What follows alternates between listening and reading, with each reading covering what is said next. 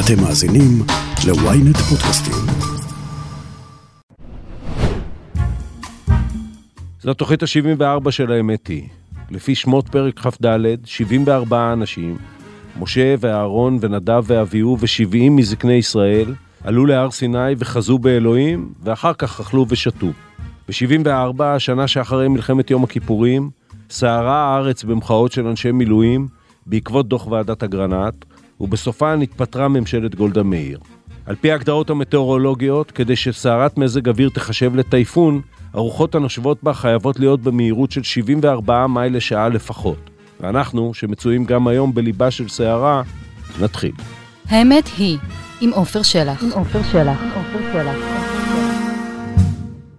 בניגוד למה שנדמה לנו עכשיו, ויחסית לנושאים שמפלגים את החברה הישראלית מיום שקמה המדינה, ישראל איננה קהילה של מחאות גדולות. רק לדוגמה, צרפת סוערת בימים אלה במחאה על תוכנית לשינוי תנאי הפנסיה של הנשיא מקרון. לפני כמה שנים, כשפריז עמדה מלכת לחודשיים בגלל תוכנית דומה, התמיכה הציבורית בשביתה רק עלתה ככל שהחיים נהיו בלתי נסבלים. אצלנו קשה להעלות על הדעת מחאה שכזו, על נושא שכזה, או מחאות כמו מרד הסטודנטים בפריז ב-68, או מה שקרה באותן שנים בארצות הברית. אצלנו היו מחאות חברתיות, אבל תנועות המחאה הגדולות באו בדרך כלל אחרי כישלונות צבאיים או החלטות מדיניות בנושאי ארץ ישראל. הן כוונו לא לשינוי המצב בעיקרו, אלא כנגד אנשים. חלקן הצליחו מאוד, ממשלת גולדה התפטרה, מנחם בגין הלך הביתה. חלקן נכשלו, כמו המחאה נגד הסכמי אוסלו או נגד ההתנתקות. הן לא יצרו כאן תודעה חברתית אזרחית לאורך זמן. המחאה הנוכחית נגד התוכנית לשינוי מערכת המשפט היא תופעה עממית רבת עוצמה. עדיין לא ברור למה תוביל, אבל ברור מה קורה בה.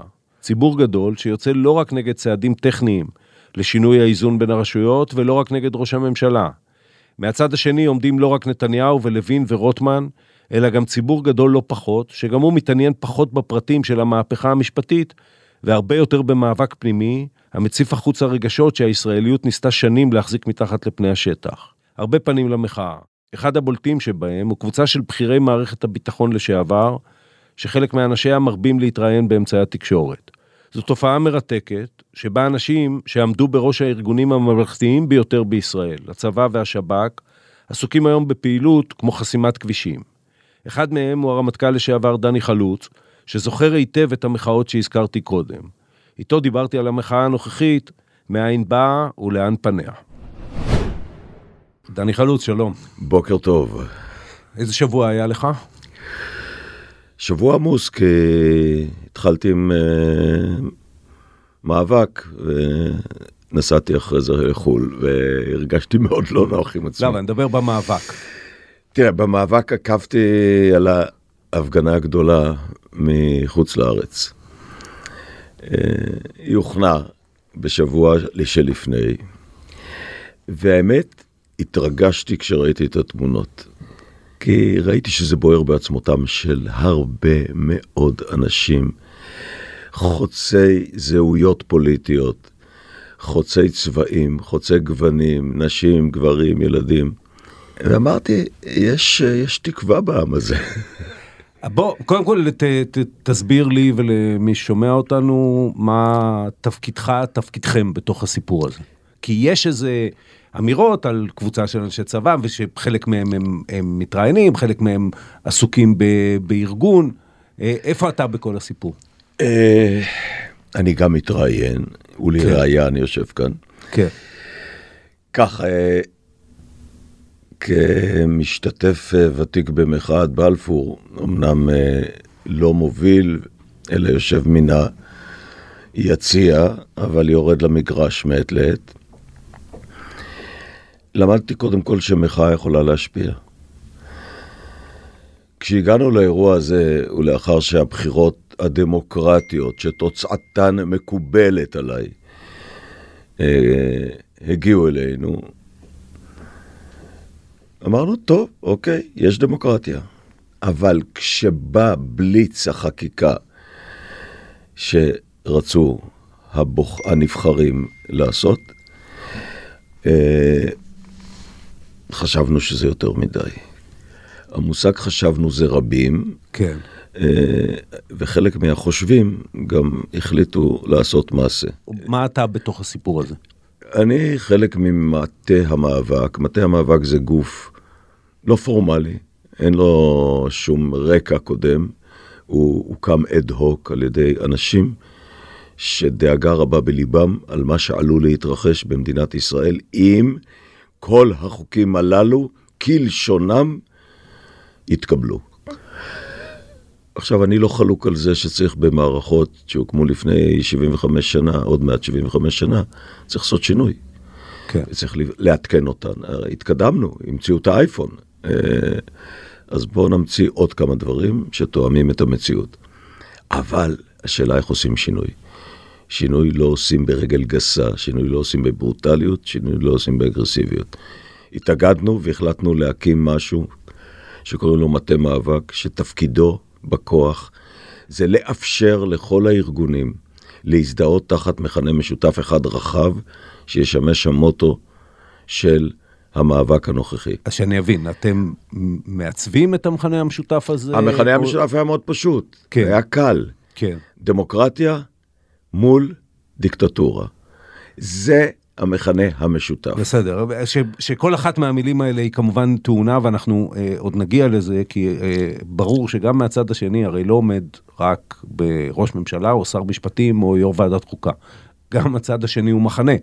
חד משמעית, אה, אה, אני ו... מכבד אותו גם. ונשאלת השאלה, אבל אה, שוב נשאר בזה, איך זה, איך זה... זה מתנהל? כי בסוף המחאה אז... הזאת, הרי ברור, זה המון ארגונים, מהמון כוונות, המון אנשים, בסוף גם מאות אלפי אנשים שיוצאים באופן ספונטני לגמרי, אתם הרי לא מביאים אותם. חד משמעית. אז מה, אז מה אתם עושים בתוך הסיפור הזה? המאפ... האפשור כולל כמה תחומים. התחום המשפטי, לתת הגנה קודם כל לאנשי המאבק, המחאה, היה ו...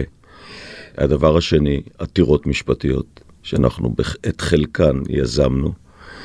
אה, על אחת אני חתום ועל עוד אחת אה, אני חתום כאחד העותרים, יחד עם חברים רבים וטובים.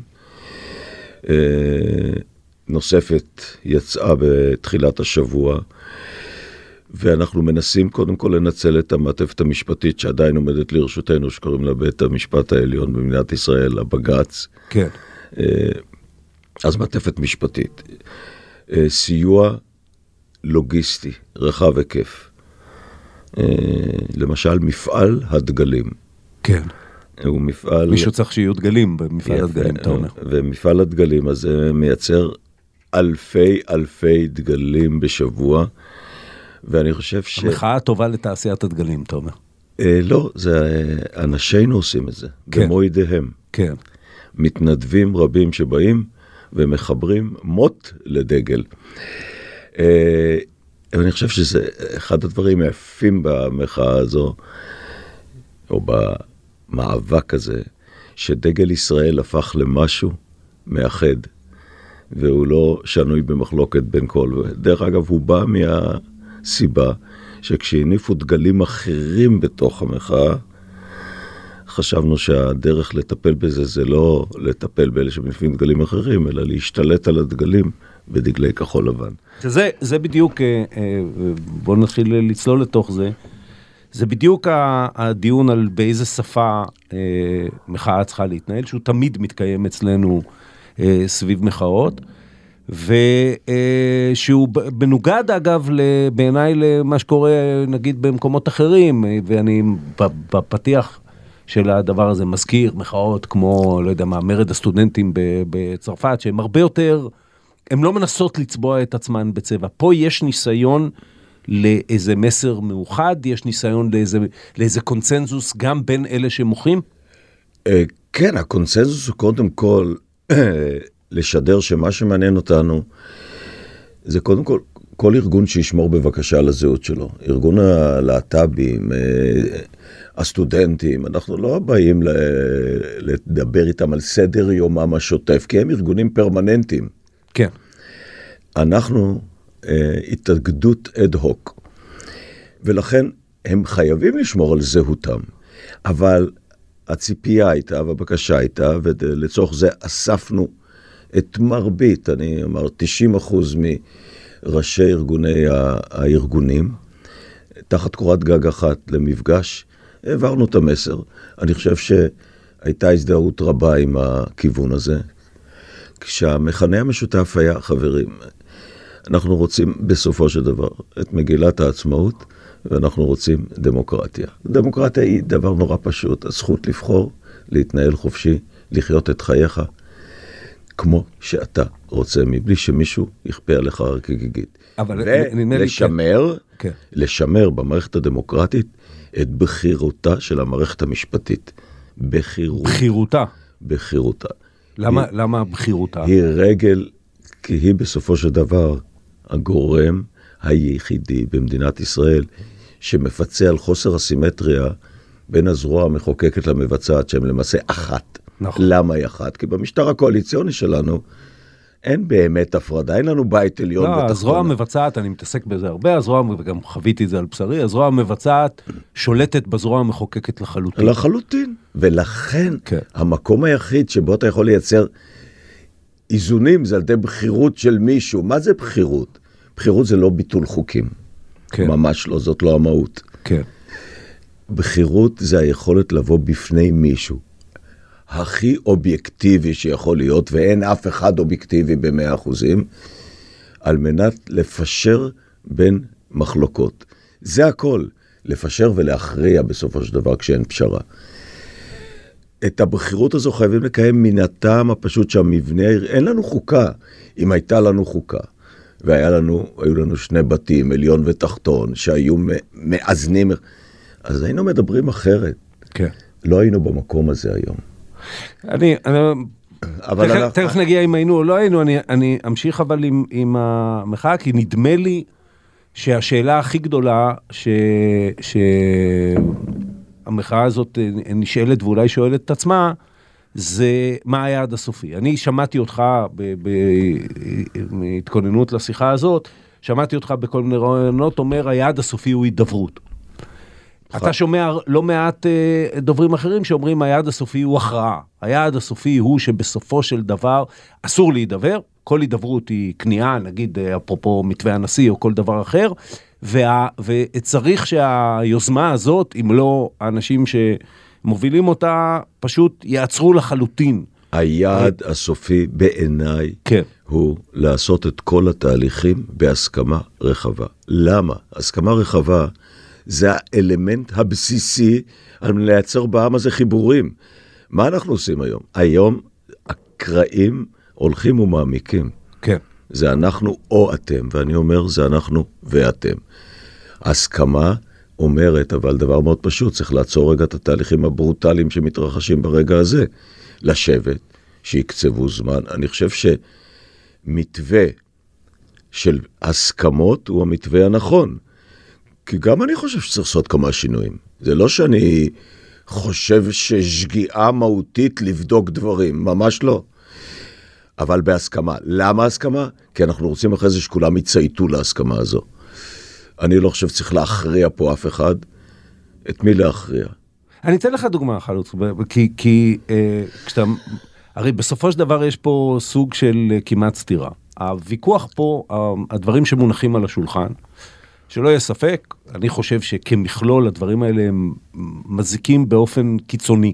נכון. אבל אה, אה, הדברים האלה בסוף הם שיחות אה, טכניות. אני, יצא לי להגיד ליריב לוין לפני שנים, שהיינו שנינו חברי הנהלת קואליציה, שאימו ואני, ואני לא שם את עצמי כאיזה נציג של מישהו, אבל אה, רק מפני ששנינו דיברנו, ניכנס לחדר, אנחנו נוכל להגיע להסכמה אם בוועדה למינוי שופטים יהיו ככה או ככה, כמו שמציע הנשיא או משהו אחר, או פסקת ההתגברות תהיה ברוב כזה או רוב אחר. אה, אה, אבל אה, בסוף, מפני שמסתתר פה משהו שהוא הרבה יותר עמוק. ומסתתר פה בכלל תפיסה, אולי דברים שהם נוגעים ל, ל, לאיך אנחנו תופסים את הישראליות בכלל, הוויכוח הטכני הזה הופך להיות כמעט, אה, אה, הוויכוח הופך להיות המהות ולא, ולא העניין. ולכן אני, אני רק רוצה לחזור לעניין הטכני. למשל, הדבר שנקרא עצירת החקיקה, כן? אה, אני אומר לך מניסיון, אפשר לנהל דיונים בוועדת החוקה אה, בשבועיים, חודשיים או שנתיים, אין שום בעיה. נכון.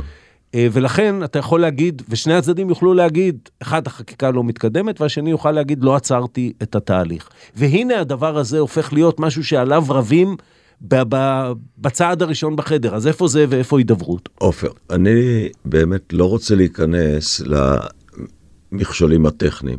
כן. בבקשה, ישבו שני הצדדים ויפתרו את המכשולים הטכניים אם הם רוצים לשבת. על דבר אחד, אנחנו, ככל שאנחנו מייצגים משהו, לפחות את עצמנו, לא מוכנים להתפשר, והוא שתהיה סנקציה שאם לא תקבלו את עמדתנו, אז אנחנו נרוץ all the way ונחוקק את החוקים. עכשיו תראה, צריך גם להסתכל בחקיקה הזו ולהפריד בין שני אלמנטים. כן.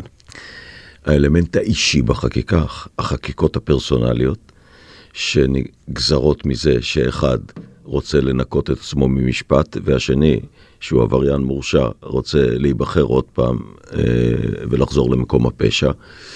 אה, זה הדברים הפרסונליים, אני שם אותם כאלמנט אחד. מה קרה? הכל מתחבר.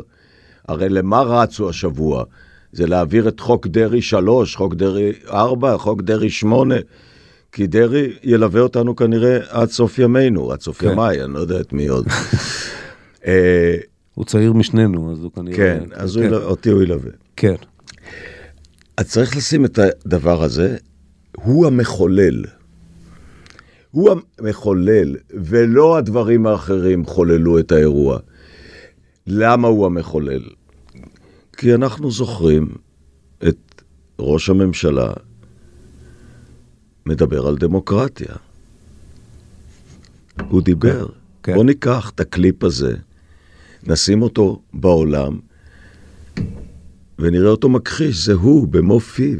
אבל אני חושב שבזה... ולכן לא החיבור לא הזה, לי... החיבור הזה לא, אבל זה החיבור שמחולל את הכל. אני, אני מוכן אפילו להסכים למה שאתה אומר, אבל ת, תסכים אתה לזה, שבסופו של דבר יש פה הרבה יותר, יכול להיות שנתניהו פועל ממניעיו האישיים, דרעי בוודאי פועל ממניעיו האישיים, אבל יש פה מחנה שלם שרואה בבית המשפט העליון, בצדק או שלא בצדק, אני בכלל לא נכנס, את הנציג, אני לא רוצה להיכנס למילים כמו קרב האליטות ו- וכן הלאה, ובאמת חושב שבסוף בית המשפט העליון הוא כלי כדי אה, לעצור, אפרופו המילה דמוקרטיה, את זה שרוב העם, כמו שאמרת, בחר, ולא משנה השיטה ואיך הדבר הזה קרה, ממשלה מסוימת בישראל.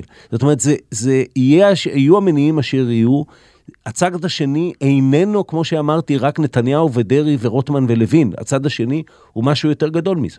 אז אני מכבד את בחירת העם.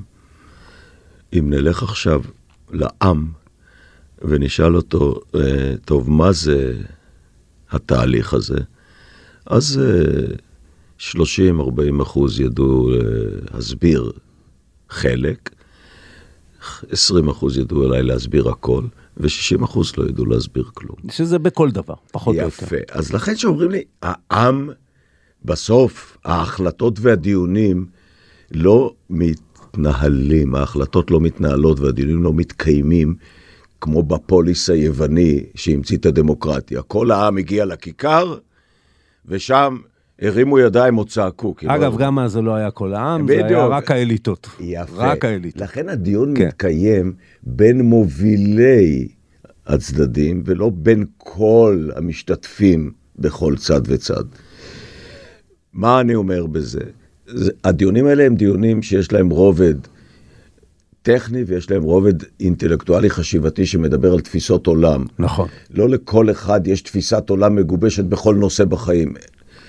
ולאלה שיש, רצוי שיקבלו את ההחלטות שמכריעות את גורלו של עם בדרך של הסכמה. אם הם רוצים להישאר עם מאוחד. אם לא, היה לנו כבר את יהודה וישראל, וראינו לאן זה הוביל. ואו-טו-טו חולפות 80 אה, שנה. כן. 75 נכון. כבר מאחורינו. זה בדרך כלל הזמן שיהודים מפסיקים לרצות לחיות אחד עם השני, אבל אני, אני לא... זה נקודה נהדרת בשביל לתת לך אנלוגיה מההיסטוריה שהיית מעורב בה אישית, שהיא עולה, אבל לא נותן אותה בשביל לנגח, אלא היא עולה הרבה מאוד כשאתה מדבר, ואני מדבר הרבה עם אנשי, נקרא לזה הצד השני לוויכוח הזה, וזה ההתנתקות.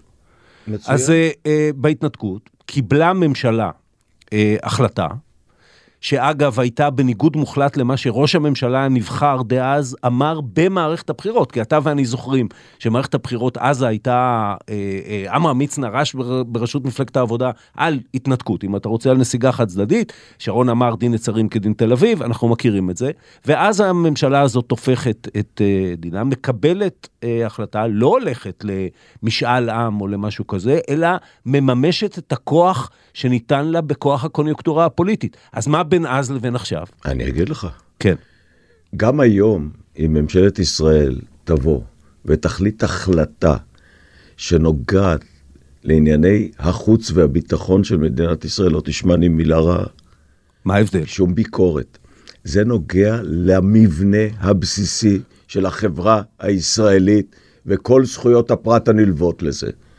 הכל. שנתחיל לדבר על זה ולמנות, למנות שופטים על ידי פוליטיקאים, נוגע לכל אחד מאיתנו. בסוף, בקצה המנהרה, יחכה לנו השופט מטעם. אה, ואגב, לא רק בבית המשפט העליון, גם כשאתה ואני יהיה לנו סכסוך על מקום מדבר, חנייה. גם, כן. בדיוק. כן. הכל, מערכת המשפט זה מערכת המשפט. כן. כשקובעים כללים לבחירה, והפוליטיקאי מעורב עם אפשרות להיות רוב בוועדה הממנה, בעיה. כשקובעים שאפשר לשנות חוקים ברוב של 60, אה, לשנות או לא לשנות, כן.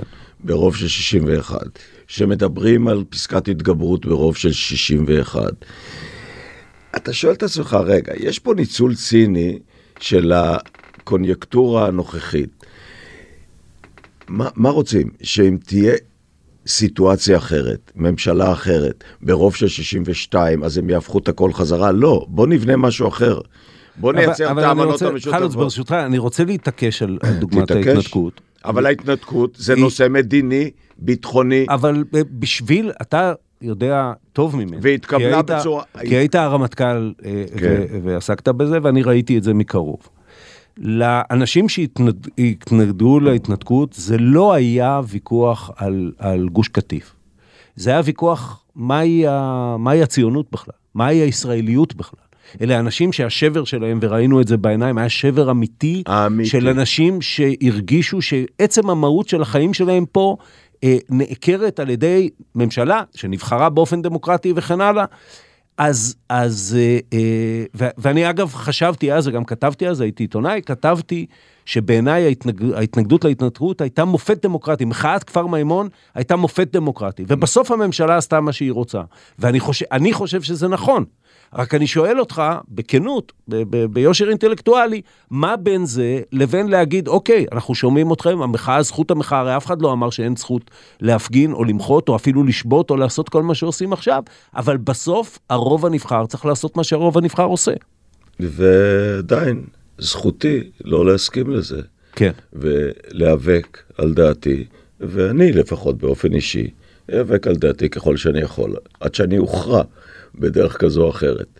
אה, מה הם גבולות המאבק? למה? כן. כי אני חושב שאתה, הניסיון לייצר אנלוגיה כן. בין ההתנתקות לבין המציאות דהיום, הוא ניסיון לא נכון, הוא גם לא נכון, אתה מדבר על אינטלקטואלית, אינטלקטואלית אין דמיון בין הסיטואציות, ממש אין דמיון. ההתנתקות לא דיברה על ביטול הדמוקרטיה במדינת ישראל. ההתנתקות לקחה את הדמוקרטיה ומימשה חזון מדיני. אני אמרתי משהו על הסכם אוסלו, הם אומרים גם על הסכם אוסלו. כן. והם אומרים גם על הרבה דברים אחרים. תראה, נקמה זה לא תוכנית עבודה, נקמה בבית המשפט העליון שלא הגן עליהם. האם עתרו ומישהו לא הגן? אני לא מבין את ההקשרים כן. לדיון האינטלקטואלי הזה. הכאב הוא עצום. מי כמוני יודע מה הכאב. עכשיו, אני לא בא מבית של אה, השמאל הקיצוני, אני גדלתי בחירות. אני מצביע חירות וליכוד כל שנותיי עד, עד שרבין אה, עלה, לש... שנבחר. כשרבין נבחר, אני הצבעתי בעד, כן. זאת אומרת, בבחירות של רבין. כן. אז מה, מה הקשר? מה הקשר להתנתקות? אני לא מבין. אני אגיד לך מה הקשר. חוץ מאשר נקמה בבית משפט עליון. אני אומר לך עוד פעם, מי שיזם הרי, אנחנו יודעים את היסודות של, הפעיל, של הפעילות הזו ומה שאנחנו רואים. היסודות של זה פורום, פורום קהלת שעיצב דמות למדינת ישראל. מי יושבים שם? חוץ מביטון ועוד מישהו, יהודים אמריקאים, שצריך לבדוק מי מממן את זה? זה יהודים אמריקאים. אנחנו יודעים מי מממן את זה. אני יודע שאנחנו יודעים. שני מיליארדרים מפילדלפיה שהקימו כן, חברה שעושה השקעות לפי מה שהם למדו בלאס וגאס. כן. שזה אגב זכותם המלאה. על, מצוין, אין לי שום טענה על זה. כן. אני לא רוצה ששום יהודי אמריקאי יחליט על גורלי במדינת ישראל. אני אומר את זה סט... ישר וברור. בבקשה, רוצים להכריע פה על גורל מדינת ישראל? כל אלה שרוצים להכריע, שיבואו לכאן. ישבו כאן, ישרתו כמוני, כמוך, כמונו, ויכריעו לא, אבל מי שתומך זה בזה... זה לא עובד ככה. זה, מי שתומך בזה זה אנשים שרבים מהם גם uh, משרתים וכן הלאה. כי, כי אני... אני, אני, אני אגיד לך למה אני עושה את זה. אני לא עושה את זה רק בשביל לשמוע ממך את התשובות שלך לצד השני. אני עושה את זה מעוד סיבה. כי אני חושב שמה שבא פה לידי ביטוי, בסביב דיון מהותי, חשוב ככל שיהיה על מערכת המשפט, הוא בכלל אה, אה, חילוקי, לא חילוקי דעות, תהום בשאלה מי אנחנו ומה אנחנו עושים פה. והמתח הזה בין יהודית לדמוקרטית, שאנחנו אה, אה, גדלנו, גם אתה וגם אני, בתוך זה שזה מתח, כי זה מתח בהגדרה. אתה תביא בן אדם מבחוץ. יהודי זה לא דמוקרטי? אה, אה, יהודי, ברגע שאתה אומר יהודי, ואתה נגיד עושה חוק כמו חוק השבות, אז אתה מייצר אתה, בעיה עם ערביי ישראל. כן. לא רק עם ערביי ישראל, בכלל עם התפיסה של, של דמוקרטיה כ, כשוויון לכולם וכן הלאה. נכון. ואנחנו אומרים, זה מתח, אנחנו חיים בו, חיים. זה אחד הדברים שעושים את החיים פה בעיניי יפים, מעניינים וראויים לחיות אותם, נכון. אה, אבל המתח הזה הגיע לנקודה שבה הוא הופך להיות, השיח הופך להיות שיח של שחור ולבן. וה, ו, ומכיוון שהוא בשנים האחרונות גם ממוקד בדמותו של בן אדם אחד, אז אנחנו כבר מפסיקים לדבר על פשרות וזה, אז אני רוצה לחזור איתך. אבל ל, אני בעד ל, פשרות, ל... אני לא אמרתי אוקיי, שאני נגד. אוקיי. רק אני תן לא... לי, ש... תן לי את המנגנון של הפשרה שאתה רוצה אני בסוף. לא אשב עכשיו, כן. אה, אני, אני חושב שזה גם לא נכון. כן. שאני אשרטט את הפשרה. כן. למה? כי זה בדיוק הדבר. פוליטיקאים לא משרטטים פשרה. כן. מומחים מציעים פשרה, פוליטיקאים צריכים לאשר אותה. מה אני מתכוון? עם כל הכבוד לשר המשפטים והשר הנוסף במשרד המשפטים, כן. אם אלה השניים שצריכים לעצב לנו את חוקי מדינת ישראל, אני מוטרד, אני מניח שהם מתייעצים עם מישהו. אז הם מתייעצים עם פורום קהלת, ואני רוצה להתייעץ עם הטובים והבכירים והמבינים במדינת ישראל בתחום. יש, אני לא, זה לא נכון שאני אציע רשימה של מומחים. לא, לא של אנשים. אבל פשרה, של תהליך. משמעותה לשבת כן. ולראות נושא נושא בין ארבעת הנושאים הכבדים שעומדים על סדר היום בחקיקה הזו, כן. ואני שם בצד את העניינים הפרסונליים, בחקיקה הפרסונלית, כי הפרסונלית נוגעת לאיש שמשפיע עלינו.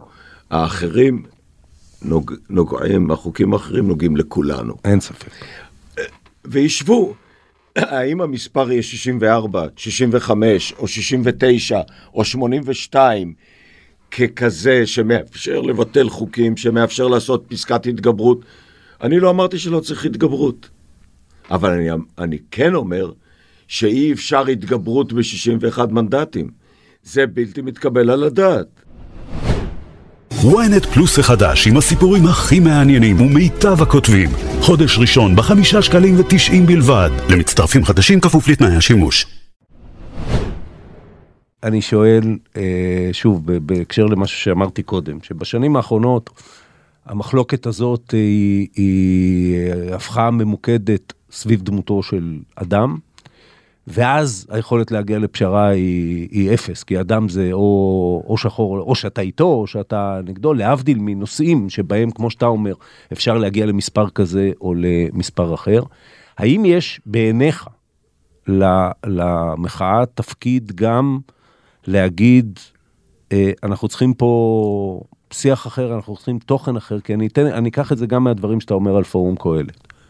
מה החזון האלטרנטיבי, ואני אני יודע שלא מינית את עצמך למנהיג המחאה, אבל אני שואל את האזרח הישראלי, אתה נולדת בשנה יחד עם מדינת ישראל, כן? את האזרח הישראלי הוותיק והמנוסה, דני חלוץ, מה החזון האלטרנטיבי לא של מערכת המשפט, אלא של התוכן הישראלי שאתה רוצה לראות. תראה, אתה יודע, אנחנו מדברים ישראלי, פינקלשטיין הגאון, כן. כן. הוא זה שיצר את תחילת הקרע בהבחנה הוא לא יצר, הוא אבחן. בין יהודי לישראלי. כן, כן, אבל העמיק אותו, למה? כי לקחו את זה עכשיו ומינפו את זה. כי זה מכנה משותף פוליטי. בדיוק. כי הפרד ומשול. זה, זה יותר אז- עתיק אז מפינקלשטיין. כשאנחנו מדברים, אני רוצה להשתמש במושג ישראלי, כן, כי בישראליות יש יהודים ויש שאינם יהודים, קודם כל. כן, אה, ובניגוד לחזון של חלק מהימין הקיצוני, שרואה את אה, מדינת ישראל מדינה של יהודים בלבד, ואז אה, כשאתה שואל אותם, אוקיי, ומה עם השאר? אין להם תשובה טובה. כי אם הייתה להם תשובה טובה, אולי היינו דנים על התשובה. אז אני חושב שאנחנו צריכים לדבר על ישראליות, ובישראליות הזו, אני, יש לי דבר מאוד פשוט.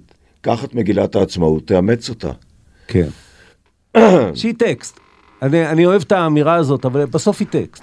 היא טקסט. כן. את- לא, תאמץ אותה כן. בצד ה... ה- ליישם את מה שכתוב, חלק מהדברים כן. שכתובים. תראה, על מגילת העצמאות חתמו אנשי הציונות הדתית, חתמו אגודת ישראל.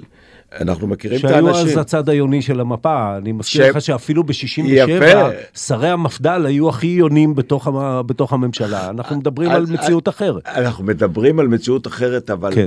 על אותן מהויות פוליטיות. כן. ש- שהשתנו לאורך הזמן. נכון. השתנו מסיבות אחרות, דרך אגב, מאוד פרגמטיות כן. מבחינתם. כן, הקופה, בין היתר.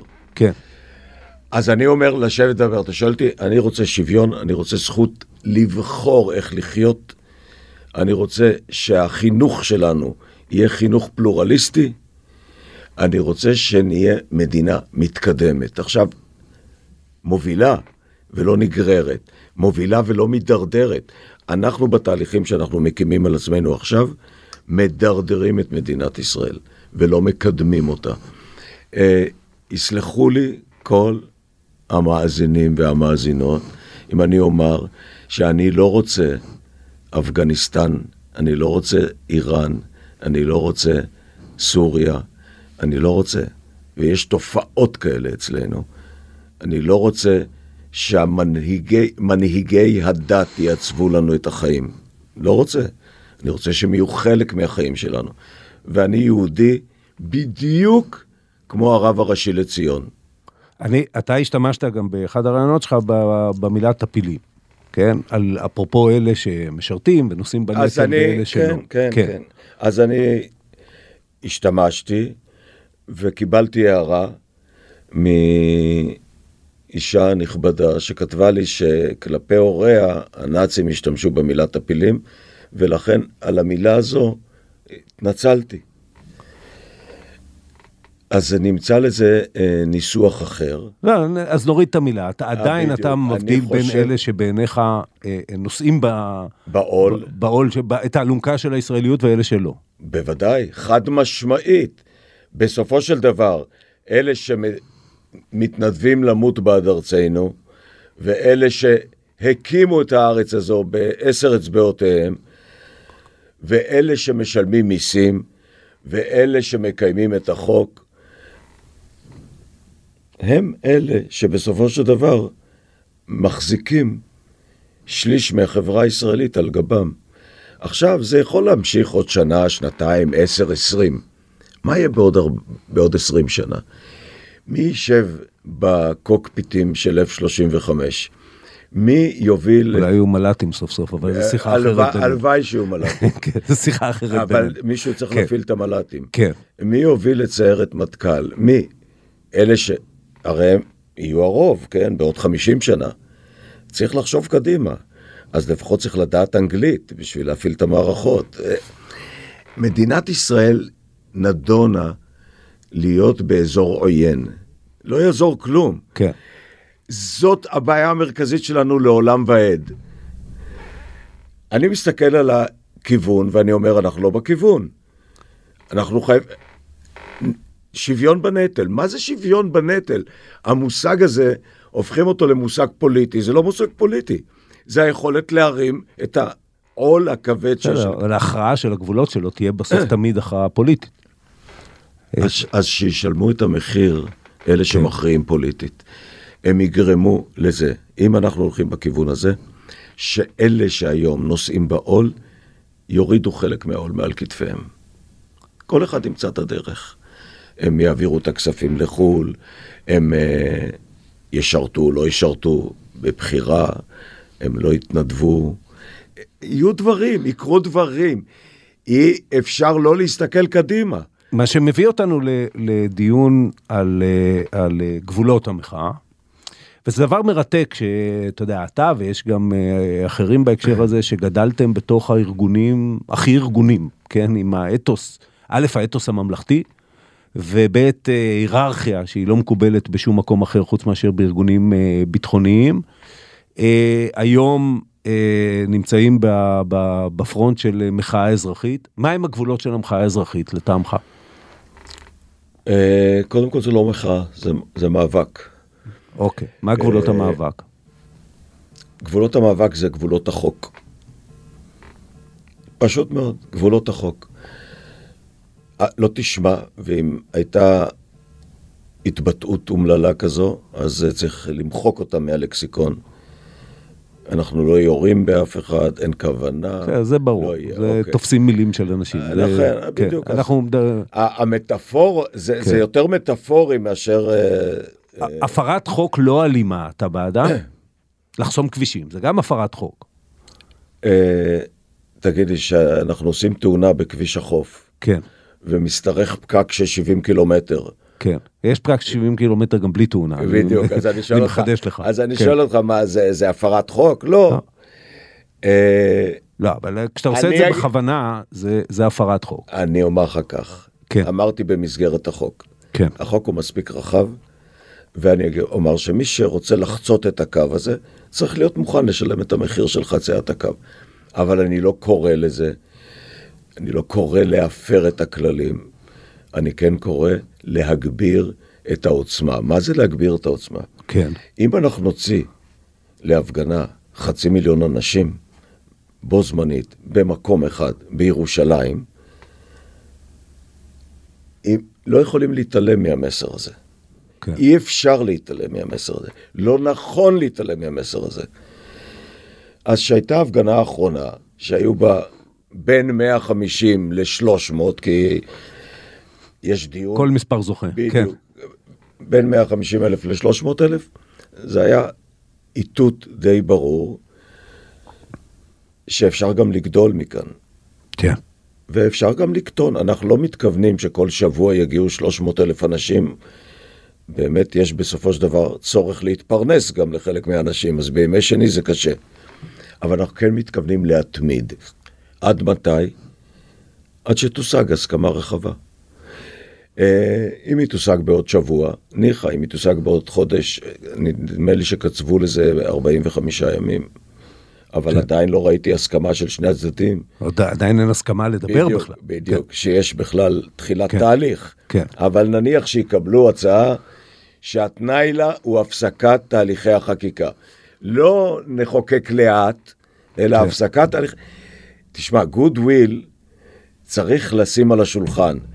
goodwill לא שמים אקדח על השולחן, ב goodwill שמים ידיים נקיות עם כפפות לבנות.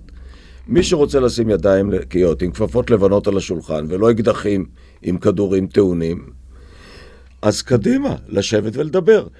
אני בטוח שבדיבור באותה שפה, כי אנחנו בינתיים מדברים את אותה שפה, אפשר להגיע להבנות ולהסכמות שגם מערכת המשפט יש לה זכות לומר את דעתה בעניין הזה. אנחנו מתעלמים מהקורבן של, ה... של החקיקה הזו, וצריך לקרוא לו לשולחן ולשמוע את דעתו ולשמוע את האינפוטים. אני לא מכיר תהליך של הסכמות, שלא שומעים את כל הצדדים, יושבים החכמים, מביאים מומחים חיצוניים שיהיו שופטים אובייקטיביים, לא שופטים כן, כן. לא. שישפטו בין הניצים, אובייקטיביים, שיגידו את דעתם, יביאו מובאות מן העולם.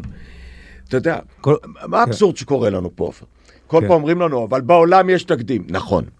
אבל התקדים האמריקאי הוא תקדים לא רלוונטי, כי שם יש סנאט, ויש בית נבחרים, ויש נשיא. כל המערכת היא אחרת, ואגב, אנחנו לא רוצים את מצב הדמוקרטיה האמריקאית יפה, כמו שהוא היום. ממש יפה, לא. ומביאים אחרי זה אה. מאנגליה, ומביאים מטורקיה, ומ- פסקת התגברות זה מקנדה, רק בקנדה אגב. ו- כן, ורק בקנדה. כן. אבל, אבל גם בקנדה יש מערכת מאזנת. נכון. אני אני רוצה, אה, אנחנו מתכנסים לקראת סיום. אחד, למה אין, לפחות על פי מה שאני ראיתי, אף דובר ערבי במחאה הזאת? היה? אתה לא ראית? את אז הכל. לא ראיתי, כן. אה, קודם כל, המחאה מתפזרת על כל רחבי הארץ. אה, כן. אנחנו, יותר משל להביא 100 אלף או 200 אלף לתל אביב, רוצים להביא אה, ש- אה, 5,000 ל-50 מקומות אחרים. כן. אה, זה הרבה יותר... אני מדבר על, על הדוברים, ב- בסופו של דבר, זה, זה בא לידי ביטוי תראה. במשהו שהוא לא, שנייה, הוא, הוא לא ב jurisdiction שלך בכלל, אבל אתה יודע, כשראשי האופוזיציה הוציאו אה, הודעה, אז אה, הסיעות הערביות לא היו שם. אה, וככלל, והדיבור שלך, מה שאתה אמרת עכשיו על נשיאה בנטל, הרי יכול מישהו גם להכיל אותו על הערבים. נכון. ניכנס פה לדיון למה הערבים לא משרתים, או, או, והשליש שאתה אומר, הוא, הוא כולל גם ערבים, לצורך העניין. אה, אני שואל, האם מבחינתך זה חשוב שיהיה, אה, שיהיו גם פנים ערביות למחאה הזו? עד שהחקיקה החדשה לא תוציא את הערבים מן הכלל, אז מאוד חשוב.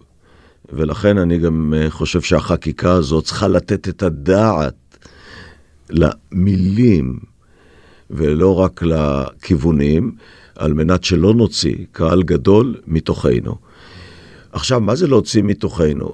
אנחנו לא נגייר אותם, נקודה. צריך להבין שבמדינה הזו יש מיעוט גדול מאוד שהוא אזרחי ישראל לכל דבר ועניין. אחד. שתיים, אני חושב שכן צריכים להיות אה, דוברים ערבים, ויש. בבאר שבע בהפגנה הגדולה דיברה דוקטור אה, בדואית מדהימה, בכושר הרטורי שלה, בדיבור ובנכונות והרגש שבדברים. גם בהפגנה בתל אביב הייתה דוברת אה, ערבייה, ומשתתפים גם ערביי ישראל בחלקם הקטן כן. במחאה הזו, בהפגנות. יש הפגנות גם בנצרת, ויש הפגנות בגליל, ויש בחיפה, ושם משתתפים גם ערביי ישראל. אה, הם עלולים, ערביי ישראל, אם הם לא ייקחו חלק בהבעת דעה, למצוא את עצמם במקום, אם כל הדברים יתנהלו לפי מה שמתכננים פה, אה, למצוא את עצמם בשוליים, מאוד בשוליים, ואני לא רוצה שיקרה כזה דבר. בסדר, זה, זה שייך למשהו שלא נדבר עליו עכשיו. עכשיו, והוא- לי אין יכולת... אה, והוא האספקט הפוליטי של כל העניין, מפני שאתה יודע, מצד אחד הערבים יודעים היטב שהפגיעה בדמוקרטיה היא קודם כל פגיעה במיעוט, והם המיעוט שייפגע ממנה נכון, הראשון. נכון. ומצד שני, הם מר- מרגישים, אגב, על ידי שני הצדדים, תהליך של דחיקה שלהם לשוליים הפוליטיים, לא, לא... אה, שאני חושב שהוא טעות. הוא, הוא לא טעות, הוא טרגדיה. נכון, הוא טרגדיה, אה, אבל הוא גם. הוא גם מעיד שאנחנו, ככלל, איכשהו מעדיפים שהוויכוח, לא אתה ואני, אבל מעדיפים שהוויכוח יהיה בין יהודים, וזה כן, חלק מהדיון כן, מה אנחנו כן, עושים כן. פה. אה, אז שאלה אחרונה, אה, מחר אומר, אה, מתייצב ראש הממשלה או שר המשפטים ואומר, אוקיי, אה, מתחילים את מה שאתה אומר, תהליך של הידברות, עם, לא משנה איך נקרא לזה בהקשר של החקיקה, מבחינתך באותו רגע המחאה נעצרת? לא. אלא? היא ממתינה. היא בכוננות ענה והמתן, כן. במושג החיל אווירי. זה יושבים בתאים של המטוסים ומחכים להוראה להמריא. עוד פעם, זה, אני מדבר בשמי, כי אני לא יכול לדבר בשם חבריי שלא יושבים פה. כן. אני חושב שמוכרחים לשמר את החרב הזו, את האיום הזה, זה לא חרב, את האיום הזה של המשך מחאה והתגברותה, עד שהדברים יסוכמו. למה? כי מטבע הדברים, מתחילים דיון, הוא מתפוצץ, מכנסים אותו עוד פעם, מתפוצץ עוד פעם. כשהוא יתפוצץ, והוא יתפוצץ לכיוון הלא נכון לטעמי, אנחנו לא יכולים לשבת בשקט. אני חלוץ, כל עוד אנחנו לא יושבים בשקט, זה אומר שאנחנו עוד מסוגלים לזוז. זה נכון. תודה רבה. תודה לך, שבת שלום. עד כאן עוד פרק של האמת היא. אתם מוזמנים לעקוב אחרינו בוויינט רדיו, באפליקציה בנייד, ברכב, או איפה שאתם שומעים את הפודקאסטים שלכם. אם זה קורה באפל או ספוטיפיי, אתם מוזמנים גם לדרג אותנו. עורך הפודקאסטים הוא רון טוביה, בצוות גיא סלם ועמיתי אלוני. אני עופר שלח, להתראות.